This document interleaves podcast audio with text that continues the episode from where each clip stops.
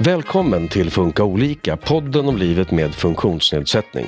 Barn och unga med neuropsykiatrisk funktionsnedsättning, NPF, som ADHD och autism, spenderar mer tid vid skärm jämfört med andra unga.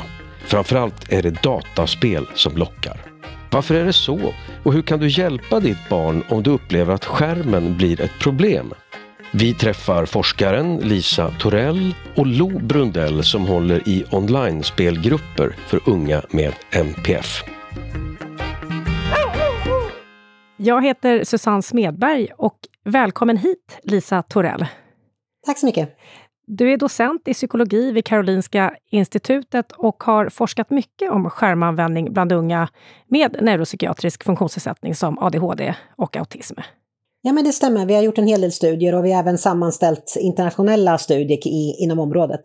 Vad skulle du säga utmärker den här gruppen när det gäller skärmanvändning? Ja, men det som jag skulle vilja säga utmärker dem med MPF är väl kanske just att man ska tänka på att de verkar ha en större risk för att hamna i ett problematiskt användande av digitala medier. Och med digitala medier menar jag då både kanske dataspel och även sociala medier. Eh, det finns vissa aspekter av de här digitala medierna som är extra attraktiva helt enkelt, verkar det som, för många med NPF. Inte alla kanske, men många gillar eh, ju att man inte behöver sitta och koncentrera sig på samma sak. Det är snabba klipp, eh, det är mycket snabba belöningar och sådana saker. Enligt en undersökning som Statens medieråd har gjort så visar det att barn och unga med NPF eh, spenderar mer tid med skärm är det något som din forskning också visar? Ja, absolut. Och eh, just vad det gäller eh, Eh, dataspel så verkar det vara en väldigt tydlig koppling mellan hur mycket man lägger ner och också de kanske negativa konsekvenserna, alltså hur man mår, att man får ökade problem på grund av sitt spelande. Med sociala medier är det lite mer knepigt faktiskt. Där ser vi i vår forskning eh, som gäller lite äldre, alltså unga vuxna snarare, att eh, vissa som använder sociala medier ganska mycket verkar inte ha några större problem. I alla fall självrapporterar de inte några sådana problem. Medan andra som använder sociala medier relativt lite rapporterar ganska mycket problematisk användning. Så det verkar bero på kanske mer vad man gör. Att sociala medier är ju kanske mer komplext och det finns väldigt mycket att titta på just själva användningen. Vad är det man gör på de sociala medierna som är problematiskt? Kan man säga något om det då när det gäller unga med ADHD eller autism? Om man har psykisk ohälsa som till exempel depression och ångest och liknande, vilket är vanliga hos dem med NPF. Det är också vanligt att man har problem i skolan till exempel. Och det är också problem att man har kamratsociala svårigheter. Eh, och det kan göra i sin tur att man inte har så mycket andra saker i sitt liv, inte lika mycket fritidsaktiviteter heller. Och då, har man, då lägger man lätt helt enkelt mer tid på digitala medier. Och sen har man ju oftast då problem med de här sociala svårigheterna och den här impulskontrollen och sådana saker. Vilket gör att man kanske inte riktigt tänker sig för när man använder sociala medier till exempel. Så att man lägger ut bilder som man inte behöver göra, man skriver kommentarer kanske lite utan att man tänker, tänker sig för. Och så får man massa negativa reaktioner. Den här aspekten av att man kanske har svårt med vänner i skola och sådär. Kan inte sociala medier och spel för den delen vara en bra aspekt för den här gruppen?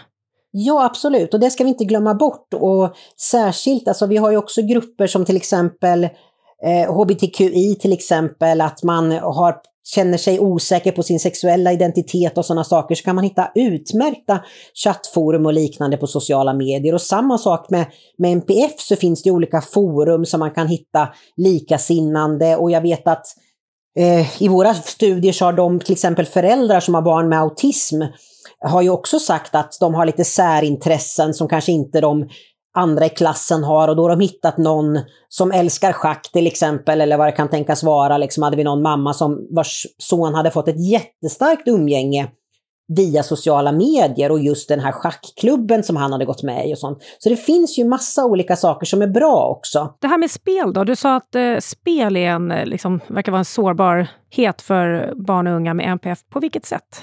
Ja, det verkar ju vara som att det lätt just blir att man fastnar och att man har, lägger ner så otroligt mycket tid på det här. Och Jag tror att just det som händer för många med NPF, det är att de inte har balansen i livet. Har man en fungerande skolgång, bra kompisar, eh, motionerar och har fritidsaktiviteter och liknande, ja men då spelar det inte så stor roll att man spelar lite dataspel liksom. Men när man inte har den här balansen så blir det så väldigt lätt att det blir liksom lite grann kanske också tyvärr the easy way out. Där behöver vi föräldrar och skolan ge de här barnen bättre stöd tidigt i livet så att de kan utveckla sina sociala förmågor på ett bättre sätt helt enkelt. Precis, jag tänker att det där är lite vuxenansvar, låter det som, att ändå hjälpa de här barnen och särskilt om det är problem i skolan, att se över den biten.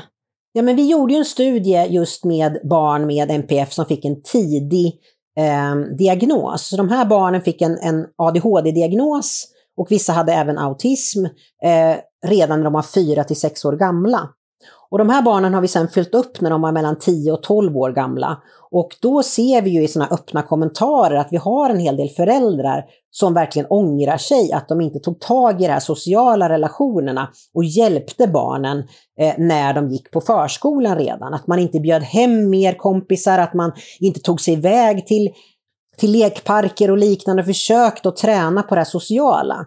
Eh, att man lät det liksom lägga väldigt mycket tid på just dataspel. Och vi ser att så många som 30 procent faktiskt av våra barn som har en ADHD-diagnos vid uppföljningen har vad vi kallar för antingen att de uppfyller faktiskt kriterierna för det som man kallar för Internet Gaming Disorder eller att de ligger i riskzonen för det. Och motsvarande siffra var 1 procent av de i kontrollgruppen. Så det är väldigt, väldigt stora skillnader. Så där tror jag att, att föräldrar behöver stötta upp mer, men de kanske också har en ADHD-diagnos. Alltså det här är ju genetiskt, så jag tror att man kan inte bara belasta föräldrarna och tro att de ska fixa det här, utan de behöver mycket mer stöd och hjälp, både från skolan och kanske från, från BUP och liknande. Så där tror jag att vi, vi brister lite grann. Apropå spel så har jag pratat med Lo Brundell från Attention Stockholm. Attention är en intresseförening för personer med NPF. De arrangerar bland annat online-spelgrupper för barn och unga med just neuropsykiatrisk funktionsnedsättning. Och Lo är en av spelledarna. Hen har själv Aspergers syndrom och min första fråga till Lo var varför hen fastnade för just spel. Eh, jag tror att jag fastnade för spel som många barn gör oberoende av autism. de är färgglada och eh, har fin musik och är spännande. Och min storebrorsa gillade spel jättemycket och jag gillade honom jättemycket. Så det påverkar nog mig ganska mycket. Vilken funktion tror du att eh, spel har för unga idag och särskilt kanske barn med NPF? Jag skulle säga spel fyller nog ungefär samma funktion som de flesta andra kulturyttringar. Tänker på skulptur eller film eller böcker. Att det är förströelse och eh, spännande narrativ och karaktärer man gillar och ogillar och så vidare det som är mest distinkt med spel, kanske till skillnad från de andra som vi är vana vid, är att spel är så interaktivt. Det finns explicit utrymme för självuttryck och för kompetensuppbyggande och för experimentation. Det här med att uh, unga med NPF generellt spenderar mer tid med spel, vad tänker du om det? Det är faktiskt ingenting jag har hört förut, men uh, jag har lätt att tänka mig det eftersom att det är lite svårare att skaffa kompisar. Eh, det hade varit min första gissning faktiskt, även om det låter lite deppigt. Är det någonting som är problematiskt med spel eh, som du kan tänka på? Ja, jag skulle vilja säga att det beror lite på problem är subjektiva. Right? Eh, och om man tycker att det finns problem i världen, som för mig personligen, så tycker jag att krig är ett problem. Eh, och det finns ju väldigt mycket krigsspel där det är väldigt häftigt och coolt att kriga, precis som krigsfilmer och krigsböcker och så vidare. Statyerna var man än går med folk med svärd.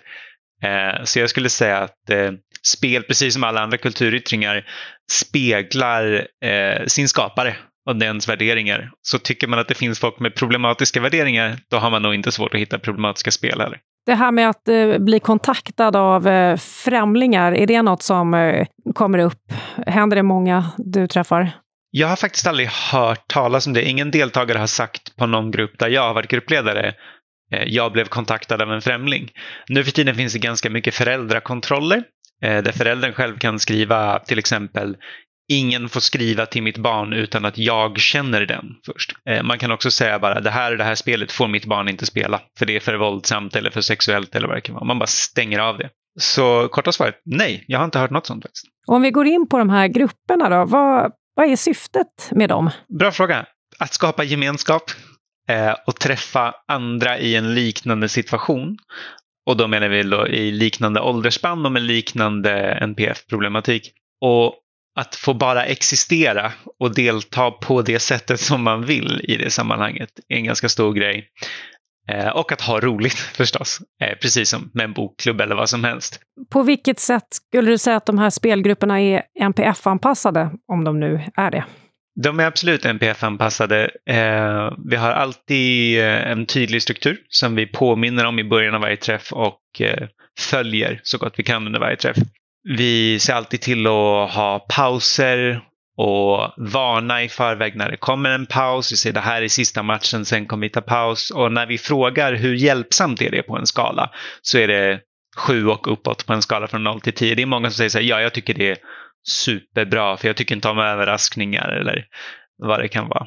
Kan du se att eh, de här unga på något sätt växer eller förändras eh, under de här spelträffarna? Ni ses fyra gånger totalt. Jag skulle vilja påstå att man kan se en förändring, till exempel någon som börjar delta och inte vågar använda mikrofonen eller kameran, för vi ses ju online. Och sen efter ett tag kanske använder mikrofonen lite grann. Eller kanske bara slår på sin kamera för att vinka hejdå i slutet av en träff. Och sen kanske nästa gång har kameran på lite i början och lite i slutet. Det är superkul. Det är också väldigt kul att se när alla de här säregna spelstilarna eh, möts och eh, deltagarna lär sig att hantera varandra och lär känna varandra och säger så åh, där är du som alltid gör på det här sättet. Nu måste jag vara försiktig så att inte du fångar mig eller vad det kan vara. Så den typen av utveckling tycker jag att jag ser. Vad skulle du säga är liksom det mest positiva med spel? I våra grupper så skulle jag säga att det är um, att alla spelare är en stor del av sammanhanget, för vi har inte så stora grupper. Och eh, det finns tid att se alla deltagare och se deras speciella sätt att spela och säga så här, åh Lo, nu såg jag att du gjorde så där som du alltid gör. Och Lo, snyggt skott. Och Lo, gud vad schysst att du delade med dig av dina diamanter till din kompis och så vidare. Eh, och det jag kommer från skolvärlden, jag har jobbat mycket som resursperson och jag vet att många av de här NPF, eh, barnen med NPF eh, får ofta sitt namn nästan synonymt med ajabaja. Att man blir tillsagd hela tiden och rättar sig in i ledet. Och då är det väldigt, väldigt fint att på våra träffar så kan vi ropa deras namn hela tiden med eh, bekräftelse och att vi ser dem och bara säger kul, snyggt. Det går liksom inte att välta en vas i de här spelen. Det går inte att eh, slösa bort någons pengar eller skada någon. Utan man kan bara leva rövare och så säger vi åh lo det här, åh lo det där. Det är jättehärligt. För den som är sugen på att vara med i en sån här online-spelgrupp så finns det mer information på Attention Stockholm. Ja, Lisa, vad, vad tänker du här nu när du har hört på Lo? Nej, men det var ju verkligen intressant och eh, det stämmer väl kanske inte dock riktigt ihop med forskningen. Eh, men det jag tänkte på en sak var just det att, att det är ju viktigt att man tänker sig att just det här spelandet också blir det här positiva, roliga som, som beskrevs på slutet här. Sen är det ju tyvärr så att ja, det finns många som utnyttjas. Och där, där har ju Attention till exempel visat i sin studie att eh, vi har mycket mer utsatthet på nätet för individer med NPF än andra. Vi har ju också det här med föräldrar och hur de påverkar tänker jag väldigt mycket. Att man inte har tydliga rutiner för sådana här saker och att man inte riktigt förstår att man kanske också... Alltså i våra studier så berättar ju föräldrarna att det kommer bli väldigt mycket konflikter i hemmet just på grund av framförallt de, de dataspelen. Och där tänker jag mig att väldigt små saker faktiskt skulle kunna ändra det här. Eh, man kan inte, tror jag, komma inrusande och säga nu ska vi äta liksom. Och förvänta sig att någon ska avbryta sig i sitt spel precis på två sekunder och komma rusande och äta middag. Jag menar, vem, vilken vuxen skulle acceptera ett sådant beteende om någon annan gjorde det mot oss? Jag tror att gå bara in liksom till barnet och säg okej okay, nu ser jag att du sitter och spelar. Ja, hur lång tid tar om... Ja, min son till exempel har spelat mycket Fifa. fotbollsspel. Okej, okay, då efter, frågar jag honom, hur lång tid tar en match nu då? Ja, men det tar tio minuter, säger han. Ja, okej. Okay. Ja, ja. Men, och du ska precis köra igång nu? Ja, men kör en match till då. Och, och, sen, så, liksom, och sen kommer du ner. Jag tror att sådana där enkla saker kan göra att det blir mindre konflikter. Och sen såklart också att man själv följer de reglerna som man sätter för barnen. Eh, du har ju sagt att eh, det blir problem för många unga och NPF som använder skärm. Men hur ska man veta vad som är normal skärmanvändning och när det har blivit ett problem? Ja, det är ju faktiskt en väldigt svår fråga att svara på och eh, jag tror det som sagt är viktigt att man inte stirrar sig blind på just den här skärmtiden. Nu är många barn uppe i sån, sån himla lång skärmtid så att själva skärmtiden i sig blir ett problem. Eh, men jag tror att det handlar mycket om den här balansen. Helt enkelt att man har olika saker i sitt liv. Och om man inte har det så blir ju också sannolikheten större att det liksom slår ut eh, andra saker. Det är svårt att säga exakt när är det problematiskt, utan man behöver vara med som förälder hela tiden, man behöver prata med sitt barn, man behöver ha koll på innehållet. Så prata med, istället för att man säger bara “Hur var det i skolan idag?” Säg “Hur var din speldag idag? Vad har du spelat för någonting?” Gärna sätta sig ner liksom bredvid och, och titta på när ett barn spelar eller någonting sånt. Eh, och gör man det här, hoppa in en 13-åring om man aldrig gjort det tidigare, men det blir såklart svårt. Men just att göra det här naturligt eh, under uppväxten och ha den här dialogen. För då tror jag också att barnet faktiskt själv kanske kommer till en om man visar intresse och engagemang för spelet. Att man också får höra från barnet, ja men idag var det faktiskt inte bra för det var någon som var himla taskig mot mig och de gjorde det här och det här. Och, ja. och att man diskuterar också med barnet, kanske lite indirekt. Jag läste i tidningen att det fanns det här barnet och det, det här och det här hade hänt honom. Eller jag hörde från en kompis eller någonting sånt. Är det där något som du känner igen? Liksom? Så att man inte liksom ställer de här frågorna, har någon gjort det här med, mot dig? Bara sådär, utan man försöker väva in det lite grann, att få en dialog och berätta om saker som, ting som man har hört. Och inte för att skrämma barnet, utan för att skapa en dialog, ett engagemang kring, kring spelandet eller de sociala medierna. Du nämnde lång skärmtid. Finns det någon liksom, tid, eller vad är lång skärmtid? Tänker då, alla använder ju skärm ganska mycket idag, både barn och vuxna. Mm. Ja, och det är ju väldigt, också väldigt olika vad man gör. Och där ser man ju som sagt, vad som jag tror jag nämnde tidigare, att sociala medier har vi ju inte lika stark koppling direkt till liksom de här negativa effekterna. Utan där verkar ju innehållet spela väldigt, liksom, ännu mer större roll. Um, och man kanske, jag menar många använder sociala medier för att just umgås med sina kompisar från skolan. Det vi ser till exempel hos dem med NPF är att de oftare också använder sociala medier och inte minst dataspel tillsammans med personer som de egentligen inte känner. Medan barn som inte har de här diagnoserna spelar med kompisar i fotbollslaget eller de i klassen eller något sånt där i större, större utsträckning. Så de utvecklar ju sina sociala relationer till personer som de sen träffar i skolan eller i fotbollslaget genom sitt dataspel eller sina sociala medier. Och därför blir det också så att det är väldigt svårt att säga en exakt tid. Du sa att eh, det är bra att föräldrarna är med sitt barn. Är det något annat de kan göra för att eh, liksom, minska riskerna för att eh, de här barn och unga hamnar i fel händer, så att säga? Ja, men jag tycker ju att man ska vara försiktig med att man kanske inte behöver använda, tillåta sociala eh, medier när man är jätteliten.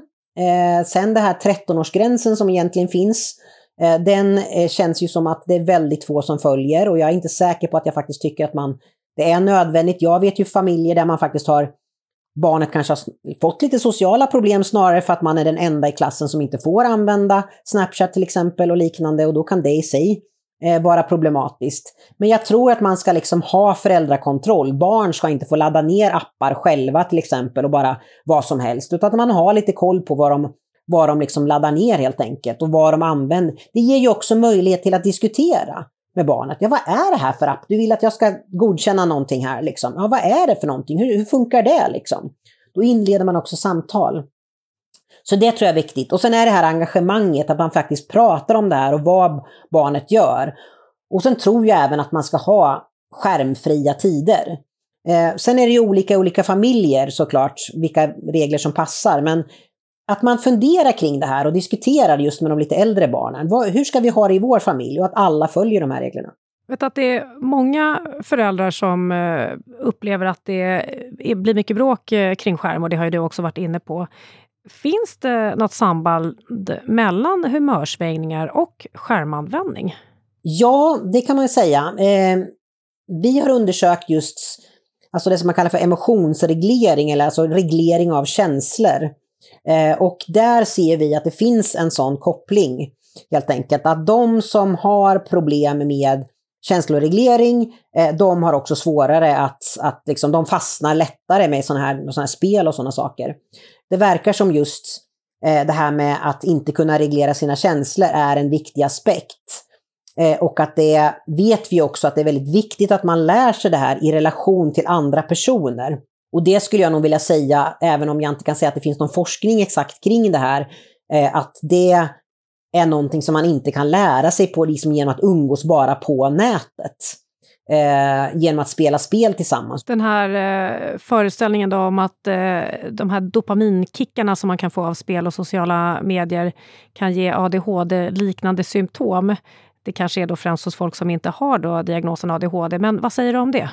Ja, jag skulle ju inte säga alls att det kanske är de som inte har ADHD som får det, utan jag skulle snarare säga tyvärr att det faktiskt är så att det kan nog förstärka eh, koncentrationsproblem och liknande hos personer som redan har problem, att det är framförallt där som det får problem. Så återigen så blir det ännu viktigare för en person med NPF att inte eh, tillbringa för mycket tid framför en skärm där man får de här snabba klippen, där man får de här snabba belöningarna. Sen om man hela tiden vänjer sig vid att man ska få snabba belöningar så har man problem med det där. Man gillar inte de här, det här långa vänta och det här liksom.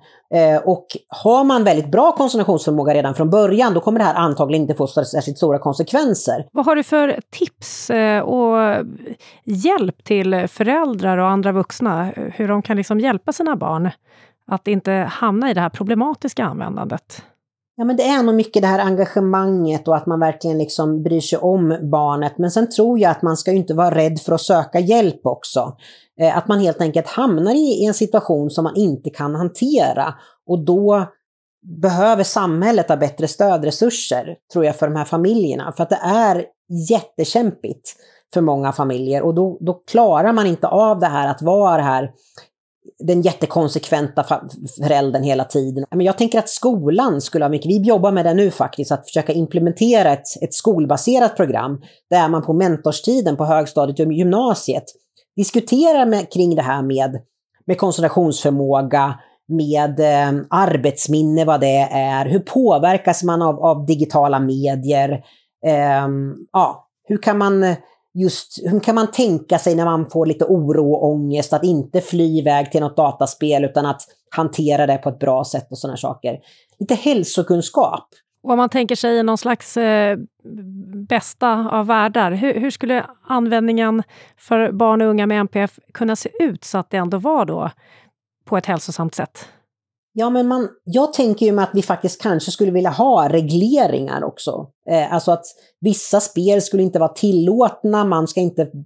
Vi vet att vi har en massa... Spelvärlden vill ju att vi ska spela deras spel, så de lägger ju in en massa triggers hela tiden. Och det där är ju, kan jag tycka att vi kanske ska ha regleringar kring. Spel som vänder sig till barn, de kanske inte ska få ha en massa sådana här saker i sig helt enkelt, som gör att man triggar ett beroende.